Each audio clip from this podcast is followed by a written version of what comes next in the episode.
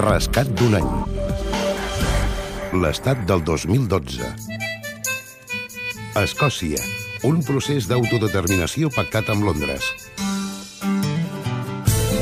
El camí cap al referèndum d'independència d'Escòcia fa avui un pas més amb la firma oficial de l'acord entre els governs escocès i britànic. Els el 15 d'octubre, el primer ministre escocès Alex Salmond i el britànic David Cameron firmen a Edimburg un acord que transfereix a Escòcia les competències per celebrar un referèndum d'independència la tardor del 2014. Thank you. Good.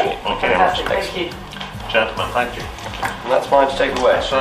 La predisposició per les dues parts ha caracteritzat el procés fins avui mateix. Tots són democràtics en aquest procés. El que era vital els darrers mesos era aconseguir que tant si estem a favor de la independència com en contra, estiguem segurs sobre les regles del referèndum i confiem en el procés.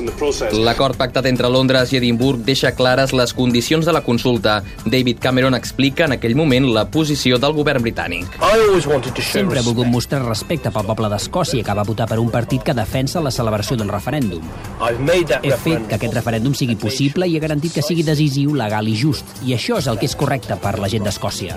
Tots els partits britànics aposten pel no a la independència, però tot i això admeten que Escòcia té dret a decidir el seu futur. Escòcia celebrarà, ell sí, el referèndum per la independència a finals de 2014 i es plantejarà una única pregunta a la població sobre si volen o no volen la independència. Són alguns dels punts de l'acord que avui ha firmat oficialment els primers ministres d'Escòcia i la Gran Bretanya, Alex Salmond i David Cameron, en una cerimònia a Edimburg. La consulta independentista a Escòcia és la culminació d'una vella aspiració del Partit Nacional Escocès que el 2011 es va fer amb la majoria absoluta del Parlament Autonòmic. Un procés, l'escocès, que s'ha observat amb molta atenció des de Catalunya i també des d'Espanya.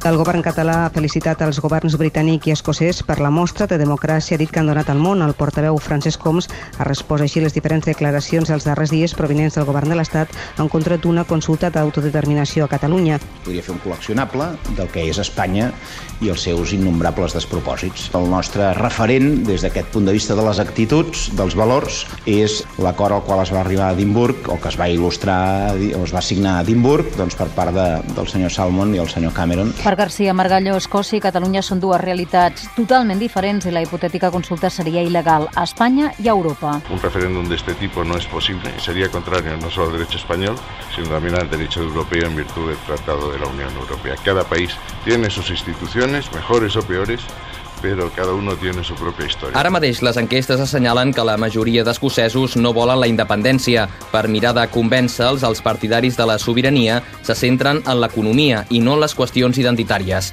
El mateix fan els unionistes, que assenyalen els avantatges que representa per Escòcia mantenir-se dins del Regne Unit. Oriol Serra, corresponsal de Catalunya Ràdio a Londres. El Partit Nacional Escocès, l'SNP, en les seves sigles en anglès, concentra tot l'independentisme a Escòcia. L'SNP, liderat pel cap del govern escocès, Alex Salmond, es va presentar a les darreres eleccions al Parlament de Holyrood mostrant la carta del referèndum sobre la independència i va guanyar els comicis amb majoria absoluta. Però, paradoxalment, el suport a la independència entre els escocesos només ronda el 30% a menys de dos anys del referèndum. Per entendre el que podríem anomenar la paradoxa escocesa, hem de tenir en compte dos factors factors. La manca d'alternatives polítiques a l'SNP, el qual és l'únic partit que té la seu a Edimburg i que dona confiança als escocesos, i el convenciment que econòmicament Escòcia no se'n sortiria sense Londres. Rescat d'un any.